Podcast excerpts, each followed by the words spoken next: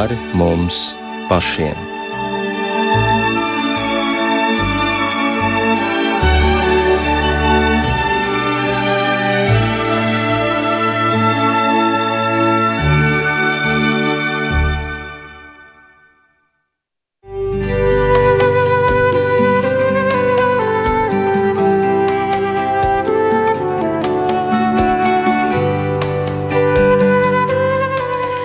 Esiet sveicināti raidījumā pāri mums pašiem, lai ir slavēts Jēzus Kristus.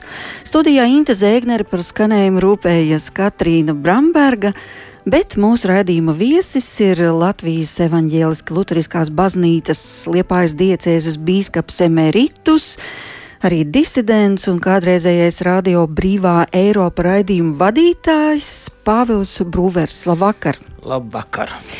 Šī noteikti jums ir bijusi īpaša diena, jo klajā ir nākusi jūsu jaunā grāmata visaugstākā patvērumā. Un šodien ogrē ir notikuši arī šīs grāmatas atvēršanas svētki. Šobrīd šis izdevums arī ir te mums uz galda. Un eh, šie vārdi visaugstākā patvērumā, kas ir grāmatas viesraksts, ir ņemti no labi pazīstamā 91. psalma, ko savulaik pat cilvēkiem, karavīriem karā deva līdzi īpašs psalms. Mm -hmm. Kas jūs mudināja tieši šādi nosaukt grāmatu? Tā kā nu, viņi bija gatavi un man vajadzēja to nosaukumu dot, jo kādu iespiedīs grāmatu bez nosaukuma, tādu es dažādas variantus tā aplūkoju, un viens no tiem bija Veid mani dievs, tāds ļoti skaists dziesma, ja, kas tāpēc Sibēlijos melodijas ir tāda tirzmalietas tekstu. Ja. Un tas, tas man tā likās, bet, bet tad es tā apskatīju un, un, un pārdomāju to visu lietas būtību, ka tur jau tā ir, ka tur katrs tas stāsts ir pamatojās uz to, ka ka, ka tur ir bijusi man tāda īpaša tāda dieva aizsardzība, viņa vadība, viņa, viņa ka būtībā tas ir tie, tā ir tāda liecība par to, cik, cik tas ir labi dzīvot visaugstākā patvērumā. Ja? Nu, tā. Un tā kā es ieraudzīju šo psalmu, tā, tad es, es sapratu, nu, tas, tas ir īstais. Ja? Un tā arī visi pārējie, kas man tādu padomu devēja, bija ļoti piekrita, ka tas ir tas, ir tas pareizais nosaukums grāmatai. Ja? Jā, jūs jau minējāt, ka jūs dalāties šajā grāmatā ar savu pieredzi, Un um, paldies par šo izdevumu. Es nedaudz paguvu tajā ielūkoties, pirms vēl nebija ieraudzījusi dienas gaismu šī grāmata. Uh, bet uh, tas ir tā ļoti interesanti, ka jūs ļoti godīgi, atklāti un arī reizē sirsnīgi uh, stāstāt šajā grāmatā par savu dzīvi jau kopš bērnības un eh, tālāk jau par to, kā jums dzīvē ir klājies. Un varbūt šovakar, cerams, jūs varēsiet arī padalīties ar mūsu klausītājiem, sākot ar šīm pirmajām lapusēm. Es tiešām nezināju, ka jūs esat sastais bērns ģimenē, tātad pastarītis, un ka ik pa brīdim, tā kā šajā virsrakstā ir arī sacīts visaugstākā patvērumā, ka ik pa brīdim savā dzīvē jūs esat jūtis uh, dieva roku pāri visam. Un visvairāk, laikam, šajās pirmajās lapusēs mani pārsteidza jūsu dzimtes stāsts, kur bija tādi traģiski pavērsieni, jā. un tad atgriešanās pie dieva. Nu jā, tas patiesībā jau arī tas iemesls, kāpēc tā grāmata ir radusies, arī bija tāds, lai tiktu izcelti no manas dzīves visi tie momenti, kur, kur ir tā vis, visvairāk, un es esmu izjūtis to, ka dieva vadība bijis viņa iejaukšanās, viņa palīdzība. Es jau esmu tā gājis visādus ceļus, ja, bet paldies Dievam, viņš man no tiem ir uh, laimīgi izvilcis, ja, un, un tā, tā tās grāmatas ideja jau radās no, no vienas manas lekcijas, kas es tiku aicināts uz, uz Gregors skolu, Saldū svētā Gregors skolas direktors. Uh, Raimons Mežiņš man reiz diezgan sen, jau pirms kādiem gadiem, sešiem, varbūt pat septiņiem, aicināja uh, studentiem nolasīt lekciju par to, kā, kā Dievs vada cilvēkus dzīvē. Un tad viņš teica, ka nu vajadzētu arī tādas piemērs, ne tikai tā kaut kāds teorētisks stāstījums. Un it sevišķi labi būtu, ja tie piemēri būtu no personīgās dzīves, no personīgi piedzīvotā. Un tad es tā arī to sāku raudzīties atpakaļ. Un līdz sākot ar ar vecākiem un vecākiem un dzimšanu, un, un, un daudz, daudz es, patiesībā ir jau vēl daudz vairāk, kas, kas nav uzrakstīts. Ja, es tā vienu brīdi man bija uznākusi tāda. Tāda doma, ka nu, kam tas tur tā īsti interesēs. Ja, tāpēc es tā visu nerakstīju. Es rakstīju tikai to, kas nu, man likās, nu, tas būs tas varbūt tas interesantākais. Ja. Un, un pašā beigās arī es vēl vienu otru stāstu izlaidu. Tāpēc, ka es gribēju, lai viņi iznāk uz Ziemassvētkiem tā grāmata. Jo es tā jau kāds piecus gadus pēc kārtas solīju, ka uz Ziemassvētkiem būs. un, un tad, tad es beidzot teicu, ne uz šiem Ziemassvētkiem, jo nu gan būs. Un es tad tā samērā ātri gribēju pabeigt. Es novembrī pabeidzu, bet tas nepietika. Tas, tas drukāšanas variantu sagatavošana un iespiešana, un tad tikai nu, tagad šajā nedēļā dabūjām viņu. Jā, nu pareizi teica Gregors skolas direktors, ka teorija mums neko nedod, bet praktiska liecība noteikti, ka ir daudz svarīgāka. Un tad mēs ceram, ka jūs arī padalīsieties ar šo praktisko liecību. Un ar drukas darbiem, ja tā padomā, jūs jau esat bijis saistīts no mazotnes, tādā pagrīdes veidā. Būtībā tas ir arī tas, kas man ir ļoti Jā. pārsteidzis, no kurienes mazam bērnam var būt tāda vēlēšanās cīnīties par brīvu Latviju. Nu, tas jau, es domāju, ka tomēr bija vecākā brāļa ietekmē. Man vecākais brālis Andrejs bija tāds ļoti patriotisks, un viņam tā interesēja arī vēsture, īpaši Latvijas vēsture. Un jau tāds, viņš vēl bija tāds patsmitnieks, jau kad viņš tā mūsu mazākos brāļus audzināja tādā nacionāli patriotiskā garā. Un tad tas jau bija tā, tā iesēta tā sēkla, Un tad mums uz bērniņiem bija ļoti daudz uh, Latvijas neatkarības laika literatūras. Uh, žurnāli bija atpūtas, un arī grāmatas bija tāda īpaša. Man patīk, varoņu sejas bija tāda grāmata. Uh, kur bija par Latvijas brīvības cīņām, par tiem visiem pulkiem, to pulku karogu un viņu, viņu devīzes un, un viņu komandieri un visu tā, tādu viņu vēsture. Tā, tā, tā bija ļoti skaista grāmata un no tās tā īpaši mums ar Olafu patika Oskars Kalpaks. Un tad mēs arī nu, dibinājām savu Oskara Kalpaka pulku, tādu nu, četru puikas, tur pārdaugavā.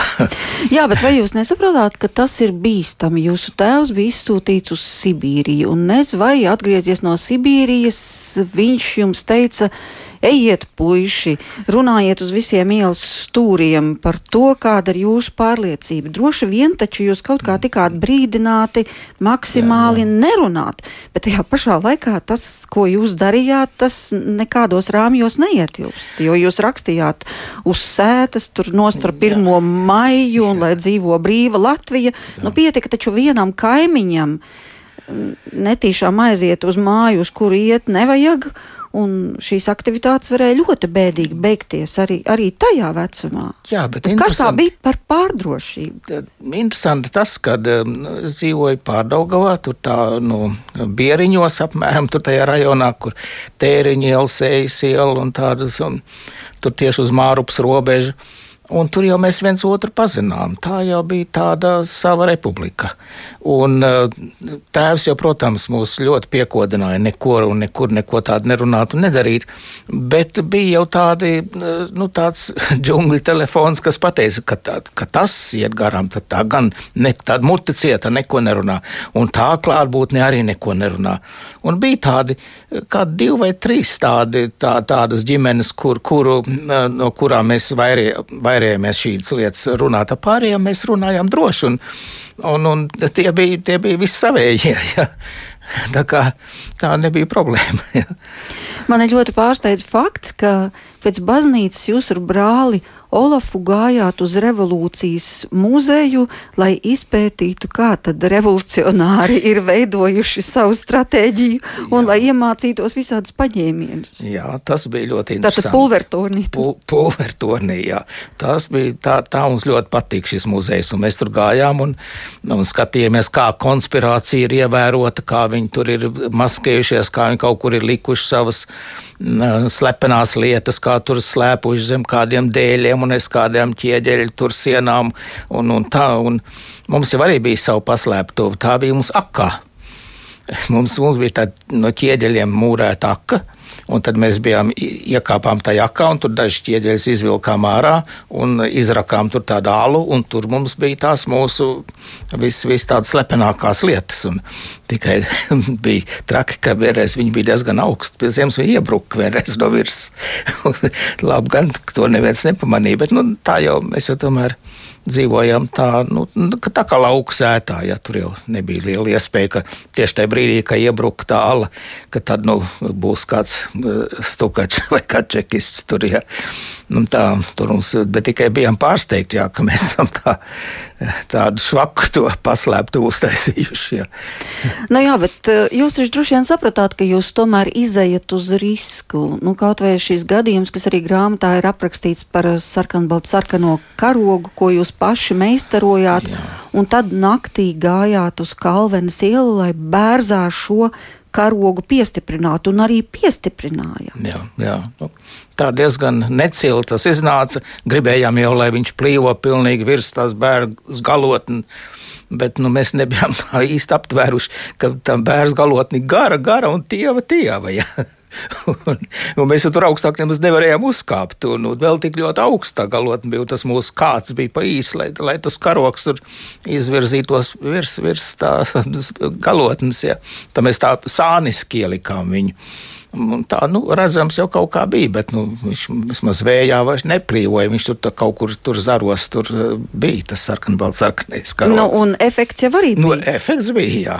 Efekts bija, jā. Bet ir jau tā, ka es atceros arī, kad es biju nonācis um, Vācijā, un tad kādreiz um, bija, man bija tā jārunā ar ļaudīm par šīm lietām, tad man nāca diezgan, diezgan bieži tādi pārmetumi, ka, ka nu, es ar savu darbību apdraudu tos cilvēkus, kas ir Latvijā ka viņiem, viņiem var nonākt ieslodzījumā, jo man, nu, kas sadarbojās ar mani. Ja, tā, tur jau mums, mēs jau pāri par robežām, mums bija tā laba sadarbība. Ja. Un tad, nu, tad es viņam teicu, tā, ka nu, šie cilvēki ir priecīgi. Es jau viņiem nelieku strādāt, es viņiem palīdzu. Jo, ja viņiem es nepalīdzētu, viņi būtu ļoti noskumuši un bēdīgi. Ja, un, un, es, un teicu, labāk jau tie cilvēki tad. Um, ja nu tiešām arī iekrīt, nu, tad viņi ir iekrituši. Labāk, ka viņi nosēž savu laiku cietumā, nekā viņi to nespēja, neko nevar darīt un, un, un, un kļūst par alkoholiķiem vai kaut kā citādi visu laiku neapmierināta to, ka viņi, viņi nu, vienkārši krenķējās par to visu to situāciju. Ja tu neko nevar darīt, tad tev tas tā grauž.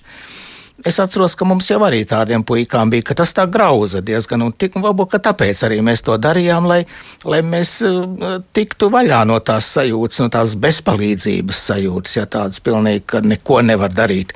Mēs darījām to, ko varējām, un, un tas mums deva prieku. Un, un arī mm, mēs nebijām ļoti nobijušies, ja mēs iekristu, nu neko darīt, nu tad iekrītam, ja nu tad arī būs pieredze dzīvē. Nu, Vācija tas jau ir cits stāsts. Protams, ka tad jau jūs bijāt pieaudzis, un tad jau šī sadarbība bija starp pieaugušiem cilvēkiem, bet tad jūs vēl bijāt pusauģi, kad jūs kāpāt tajā bērzā. Un es tiešām nespēju noticēt, ka tad, kad jūs nākošajā dienā ieraudzījāt, ka tur ir piebraukusi milicijas mašīna un notiek liels lembasts pie tās kalvenes ielas, ka tad jums arī nebija bail. Ja, mēs bijām ļoti iedrošināti ka tik liels aparāts ir izaicināts un neko viņi mums nevar padarīt. Tāpēc, viņi ne, ka viņi nezina, kas nezin, to izdarīt. Jā, viņi nevar mūs atrast, jā. un tā mēs gribējām turpināt.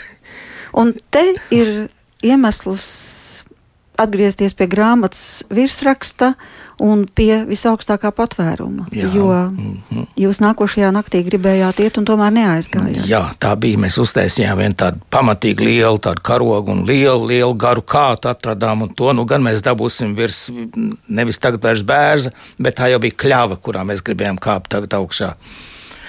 Un, uh, un ar lielu entuziasmu mēs to izdarījām.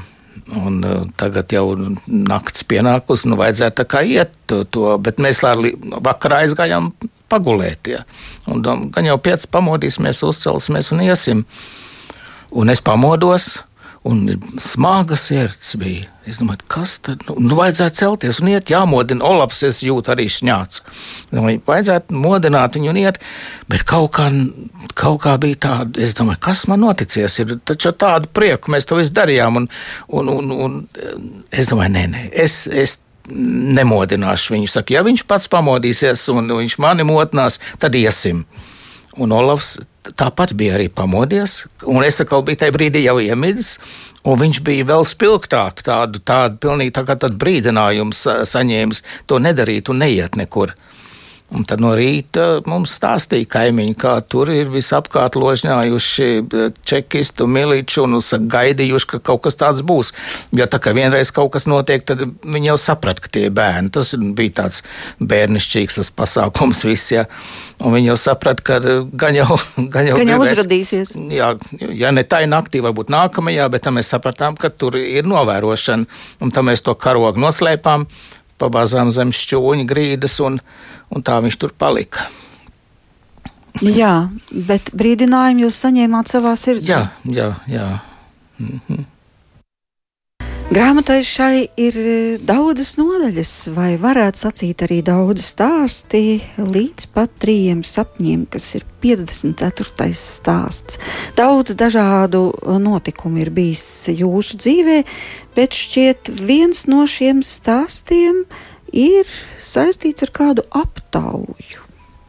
Profesiju Jā. izvēlējāties, par mediķi gribējāt kļūt. Kaut gan arī par mūziķi gribējāt kļūt, un galu beigās kļūt par mācītāju. Jā. Jā. Ehm, nu, tā, tā aptaujas ideja radās man ehm, medicīnas institūtā, klausoties ehm, higiēnas lekcijas. Docents Ārons, tas ļoti aizrautīgs lektors viņš bija. Tātad jūs jau bijāt ticis līdz medicīnas institūta ceturtajam kursam? Jā, jā, tas bija tā ceturtā kursa noslēgums, jau tad jau nāca sesijas laiks virsū. Un, un, un, Un, um, bija tā, tā lekcija, ka, ka, kā, izdarīt, kā atrast iemeslu dažād, dažos re, reģionos izplatītām slimībām. Un tad uh, tur bija jāsastāda uh, aptaujas anketas, jāuzdod attiecīgi jautājumi par viņu paradumiem, jā, par kā, ko viņi ēd, ko nē, un cik daudz, un vai, vai kustās vai nekustās. Nu, vienā sakot, tāds vecels jautājumu katalogs, no mm. kur tad varētu pateikt, kas ir tas iemesls, kāpēc tajā rajonā cilvēki ar kaut kādu noteiktu slimību slimo. Un tad man ienāca prātā, ka mums Latvijā ir varētu būt visiem arī kaut kādas ne, neiras, neirozes. Jā, dēļ tā, ka viņi dzīvo padomju režīmā, tādās puspatiesībās, melos un tādos bieži vien lielos kreņķos, kad nav šis un nav tas un ne, kaut neko nedrīkst un zināmā mērā arī tādā pazemojumā dzīvo, ja kā tāda, kas būtībā nav brīvie. Ja. Un tad es izdomāju, vajadzētu tādu aptauju izveidot, kā, kā cilvēks, kā viņa veselību ietekmē šie apstākļi. Un tad es to pārunāju ar Olafu, un viņš, viņš teica, o, jā, tā ir ļoti laba ideja, bet tikai nevajadzētu mums viņu reducēt uz medicīnu, bet vispār uz, uz cilvēku attieksmi pret, pret dažādām lietām. Un, un toreiz bija tā, ka mums tādā vēl tādā bērnībā, nu, vēl, kad bija kādi patsmitnieki, mēs bijām. Tas bija vēl Hruščova atkušņa laiks, kad nosodīja staļinismu un, un likās tā, ka, ka dzīve tā kā sāk iet uz augšu, ka tā kā var kaut ko vairāk atļauties un, un, un arī brīvāk var runāt. Un, un bija arī tā avīze padomju jaunatne, kurā diezgan bieži bija tādas diezgan atklātas sarunas par visādām negācijām. Un mēs izdomājam tā, nu uztaisīsim mēs tādu anketu Un tad uh, mēs uzsāksim debatas ar, ar šo avīzi. Aizrakstīsim tā, nu, tādu jautājumu, kas mums pašiem likās ļoti sāpīgi, ka, nu, ka nav saņemama informācija, tāda kaut kādas rietumu laikrakstus mēs gribētu būt lasīt, ja, un ka arī ceļošana nav iespējama uz ārzemēm, ja, un ka tomēr tā, nu, tā ieslodzīts tu jūties.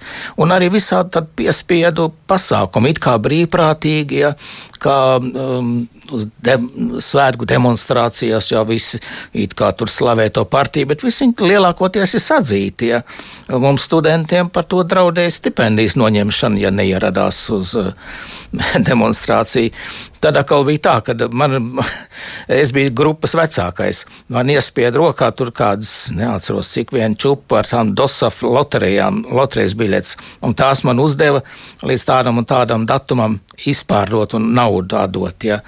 Un, un tas man ir sabiedriskais pienākums, un, un ja to es neizpildu, tad, tad nezinu, vai es vispār varu būt par padomu studentu, ja tā tas tika nostādīts. Un, uh, un neviens jau negribēja viņus pirkt. Ne, kur tad tiem studentiem taču naudas nebija? Varbūt kāds viens vai divs nopirka, pārējos es biju spiests samaksāt uh, no savas kabatas, ja, lai, lai neiek, neiekļūtu nepatikšanās. Ja. Arī tas bija viens no jautājumiem, ja, cik cilvēki labprātīgi, kāpēc viņi tādas biļetes pērk. Arī tur parādītos tas, ka tas ir piespiedu arī par tām demonstrācijām, par sestdienas talkām. Uh, un, un gan arī par atvaļinājumiem, kur un kā brauc, un, un kur nebrauc, kāpēc. Ja, un, vai, un, nu tā, un, un, eh, nu, tādu mēs uztaisījām, tādu anketu. Tikai bija tā, mēs domājam, ka varbūt ka mēs neesam vēl kaut ko pajautājuši, kas kas varbūt cilvēkiem sāp, bet mēs īsti vēl nezinām. Un tad mēs pēdējo jautājumu te, eh, tādu uzrakstījām, lai novērtē situāciju mūsu zemē un to pamato ar, ar, ar 5 pēc 5 balvu sistēmas un pamato, kāpēc. Nu, kādi bija rezultāti? Nu, traki bija. nu, ļoti slikti vērtējumi bija. Tādi, nu, tā kā viņi bija anonīma, tā anketa, un, un viņi bija domā, mēs jau tur tādu leģendu bijām izdomājuši. Viņi krieviski bija, jo mēs teicām, nu, tas ir viens Maskavas socioloģijas students, kas to dara, un mēs viņam palīdzām. Tā viņš izplat pa vispārējumu savienību to.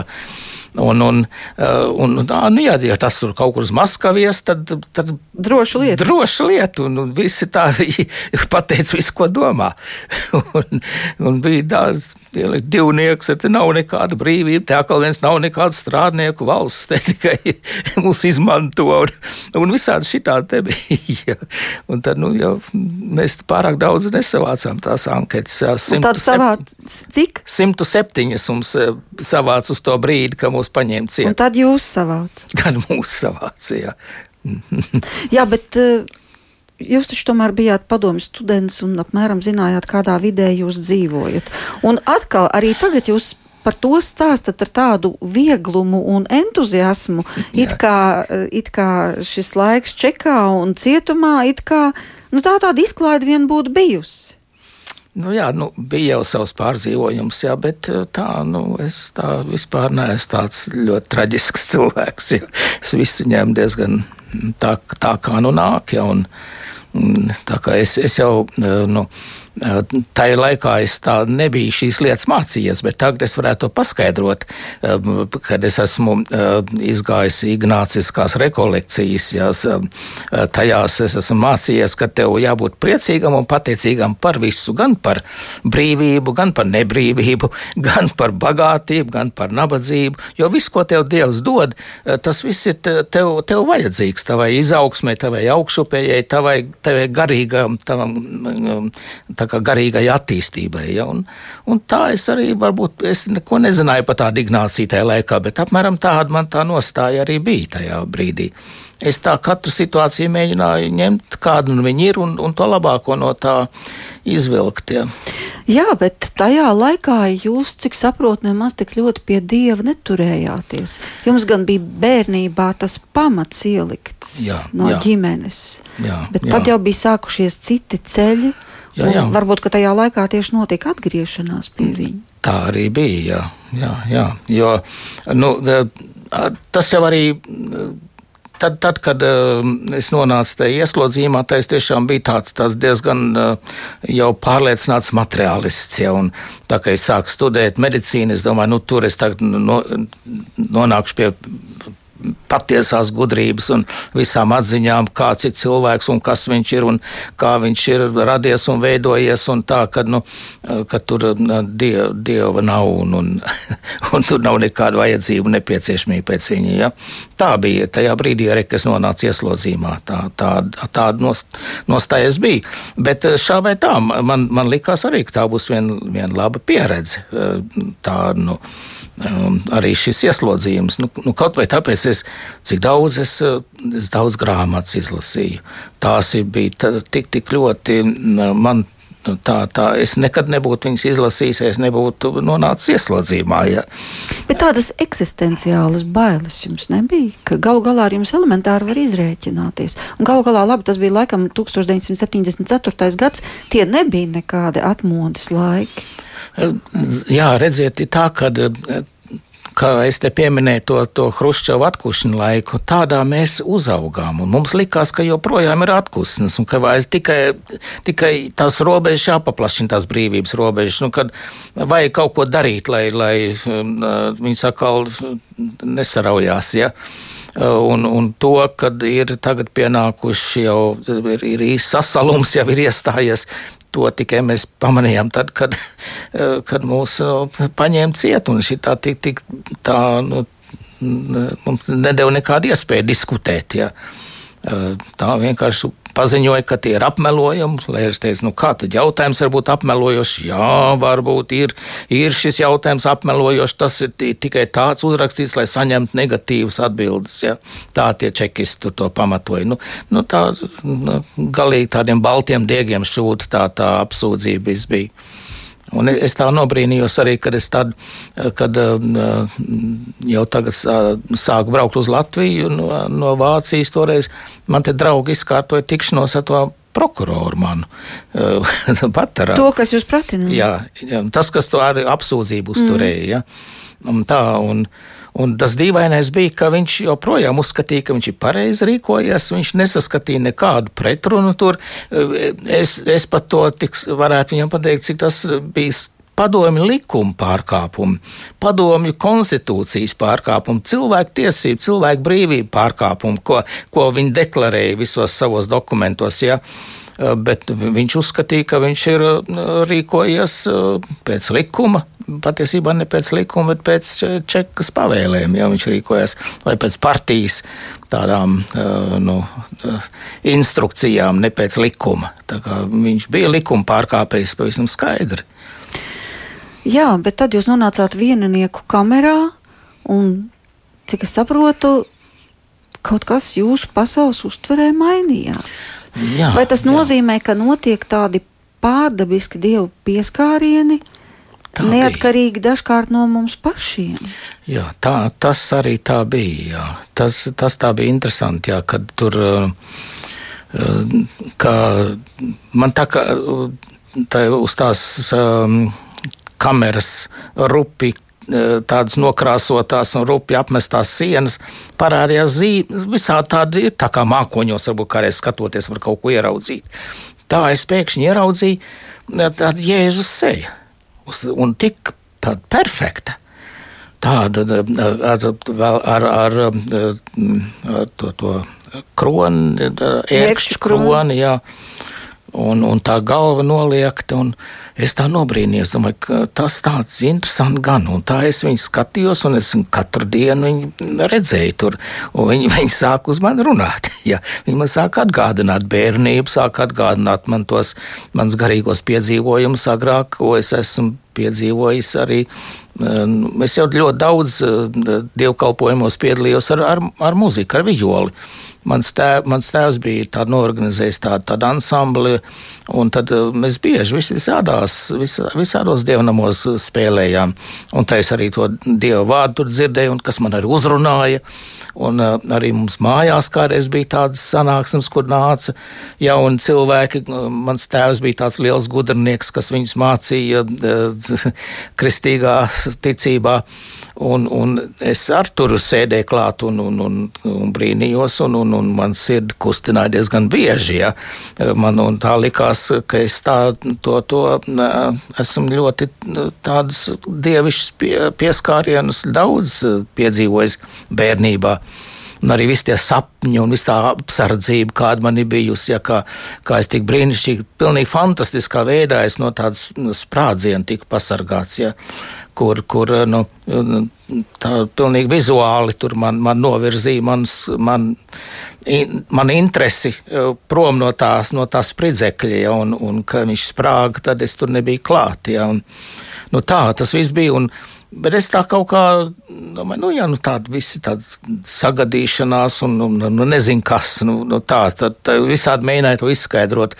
Jo es domāju, ka arī šodien tie, kas tādi ļoti no, no pārliecināti ateisti, viņi kā pāri savai sirdsapziņai, viņi, viņi ne, tai, nu, viņi neieklausās viņā, jo viņi lai arī sirdsapziņa, lai arī uh, kādi dzīves piedzīvojumi to tev liecina, jo Dievs katram cilvēkam atklājas. Viņš grib, lai katrs cilvēks nāk pie patiesības. Ja?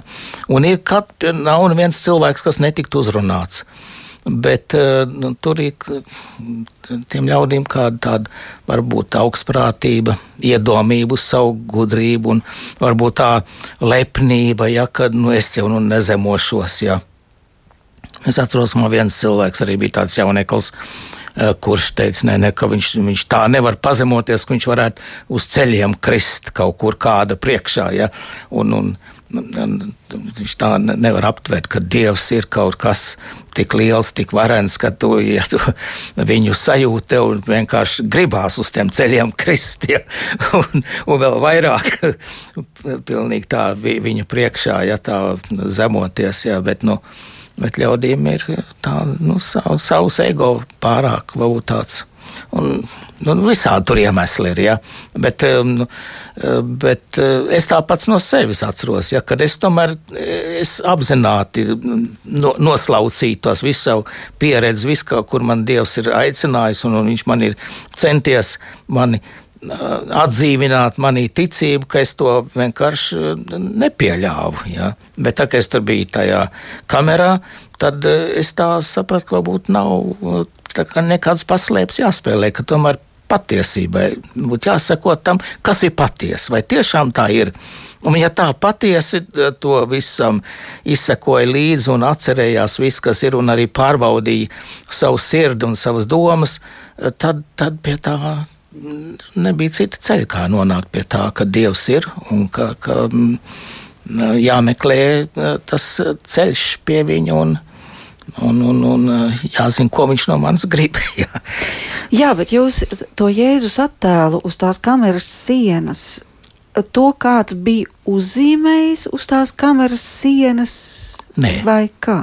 Nē, tā bija tā, ka kādreiz ar pinzeli tā velk kaut kā nu, uz sienas, kāda krāsa, tur bija tāda zaļa krāsa, un tāds rupšs bija tas tās apmetums, kaut kāda cietumnieka to visu bija darījuši. Viņi nebija tā, un, un, un no tā, tā vienkārši bija veidojies tāds.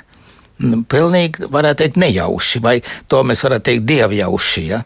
Tā, tāds, tāds zīmējums tur radās. Es tā biju tagad aizgājis vēlreiz tur apskatīt.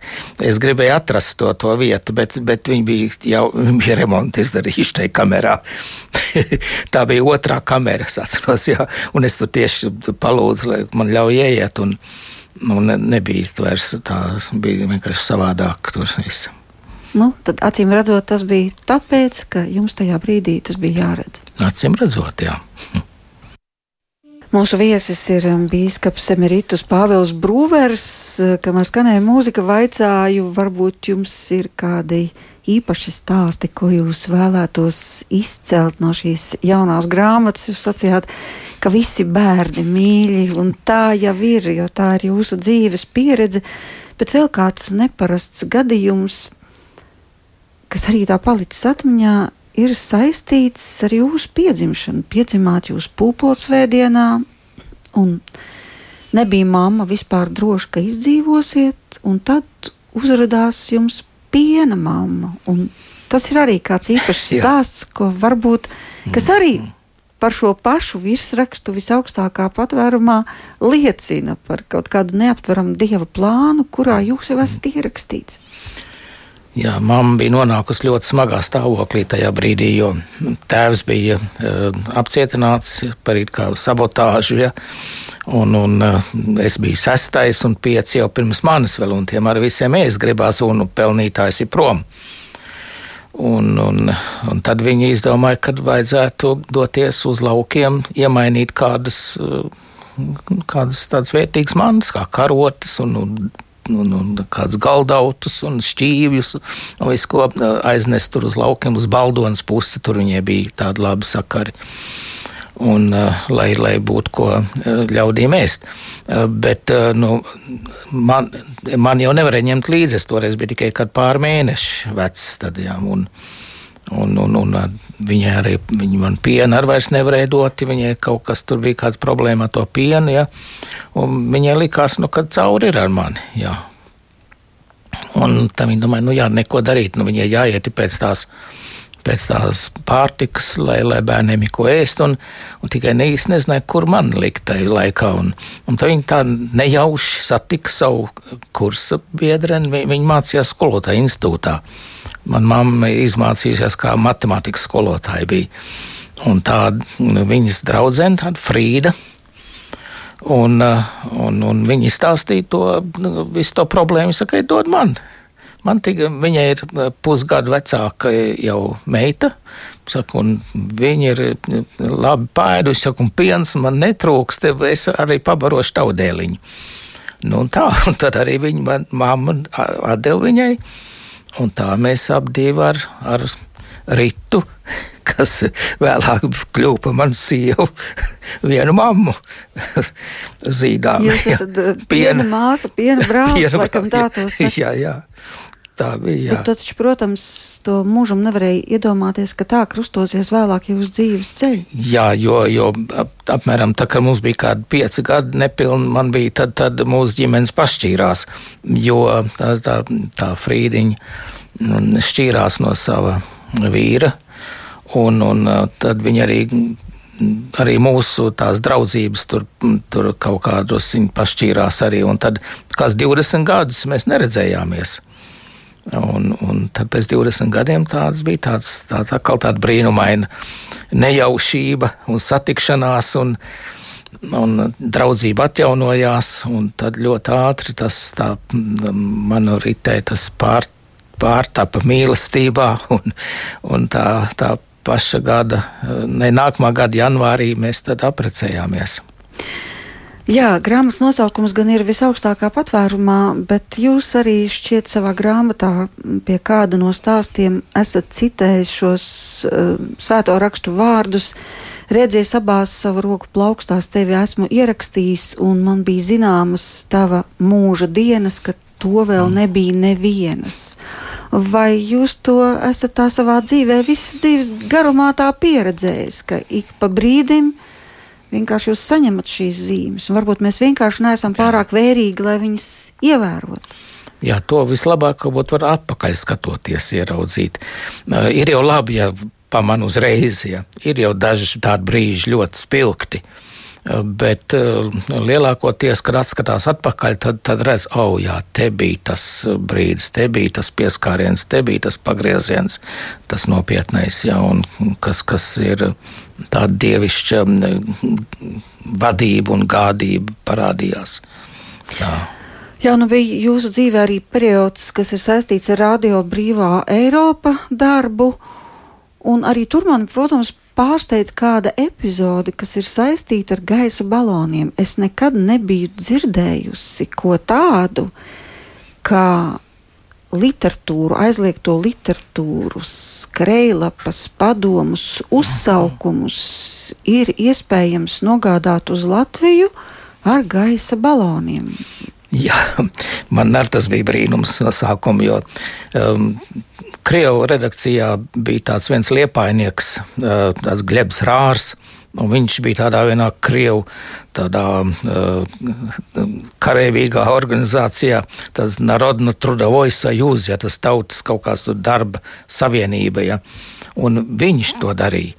Viņi vispār arī bija viena no tiem, kas pirms vispār radio brīvība bija. Viņi no, no, no, no meža, no vienas amerikāņu bāzes veidoja raidījumus un, un, un, un ar viņu rācijām gribēja uzrunāt tos padomju karavīrus, kas tur austrumu frontē ir. Ja, un, un, un viņi arī viņi sūtīja balonu, ar baloniem grāmatas iekšā. Un tad es tā viņam jautāju, kā tas ir iespējams. Viņš, viņš man iedeva adresi vienam vīram, kas tieši šo, šīs operācijas vadīja. Un ieteica mani kā, kā labu puiku, ka, nu, ka var uzticēties. Ka var uzticēties, jā, viņš Frankfurtē dzīvoja, es pie viņa arī aizbraucu, un viņš man iepazīstināja ar visu to tehnisko dokumentāciju, kas tur jādara un kā tur jādara, un to viss tas bija ļoti vienkārši un ļoti jauki, un, un tur bija tā, ka. Mm, bija tas balons jādabūna vismaz 3000 metru augstumā. Un tur tad ir tādi pastāvīgi rietumu vēji, jo zemeslodes griešanās dēļ. Ja. Un, un, un, ja tur dabūjām viņu augšā, uz tiem 3000 metriem, tad, ja, ja mēs no Zviedrijas krasta laižam, tad apmēram tā pēc 6 līdz 8 stundām viņš ir virs kurzemes, ja, tas balons. Un tad eh, tajā brīdī tad mums ir tā, tāds īpašs palaišanas mehānisms bija ar, ar tā kā, nu, tādu paštaisītu degauklu. Tur bija vien, viens striķis, kurš bija samērcēts ar tādu boru, un kas tas bija tur pa šķidrumu.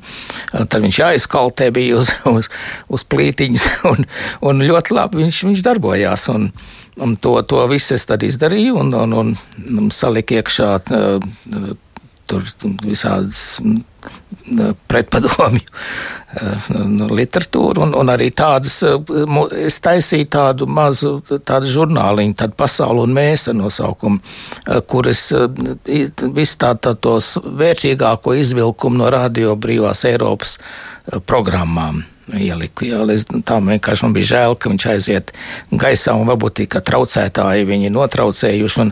Tad es viņus uzrakstīju, un tā uz 16 lapām tās bija. Tad samazināts, un, un tā, tāds diezgan mazs viņš bija kompakts, bet ļoti daudz tur informācijas bija. Un tad visādos veidos mēs viņus sūtījām iekšā Latvijā un arī tādā šiem baloniem.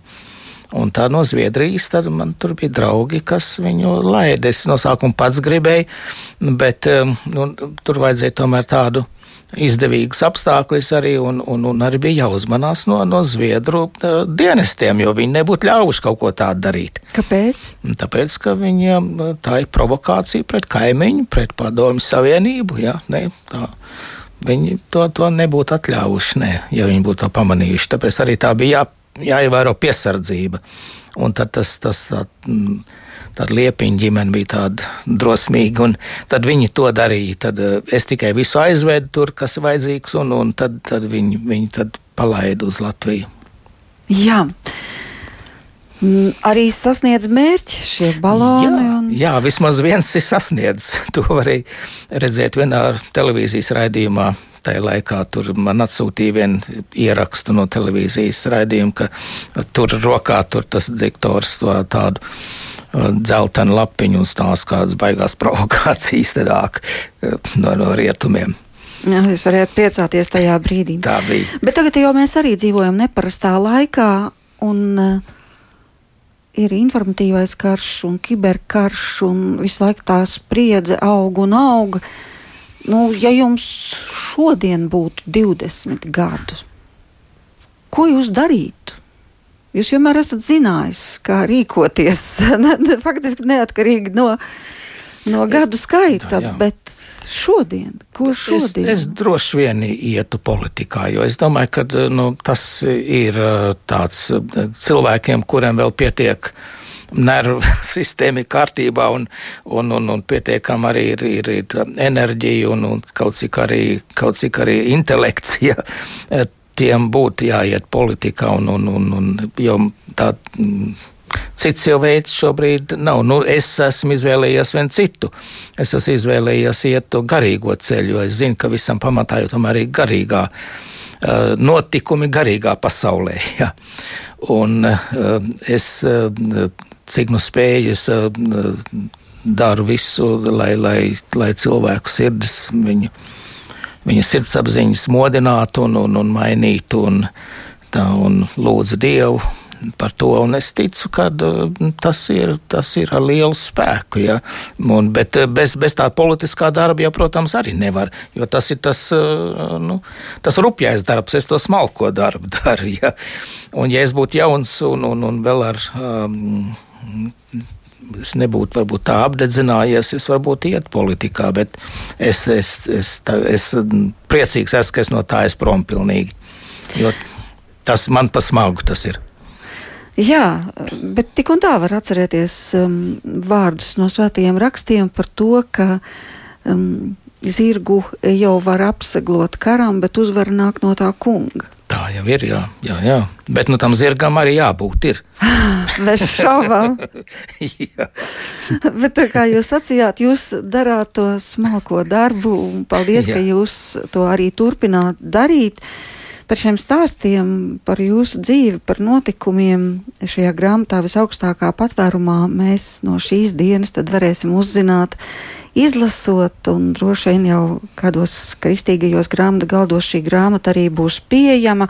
Bet par šo sarunu lielu paldies saku mūsu šī vakara viesim, Latvijas evaņģēlas kultūriskās baznīcas liepājas diecēs bīskapam emeritus, arī disidentam un par radio brīvā Eiropu jau pieminējām, vēl varētu teikt arī mūziķim un nu jau arī rakstniekam. Pāvilam Brūveram. Kopā ar jums šajā vakarā bija Inta Zēgnere, bet par skanējumu rūpējās Katrīna Bramberga.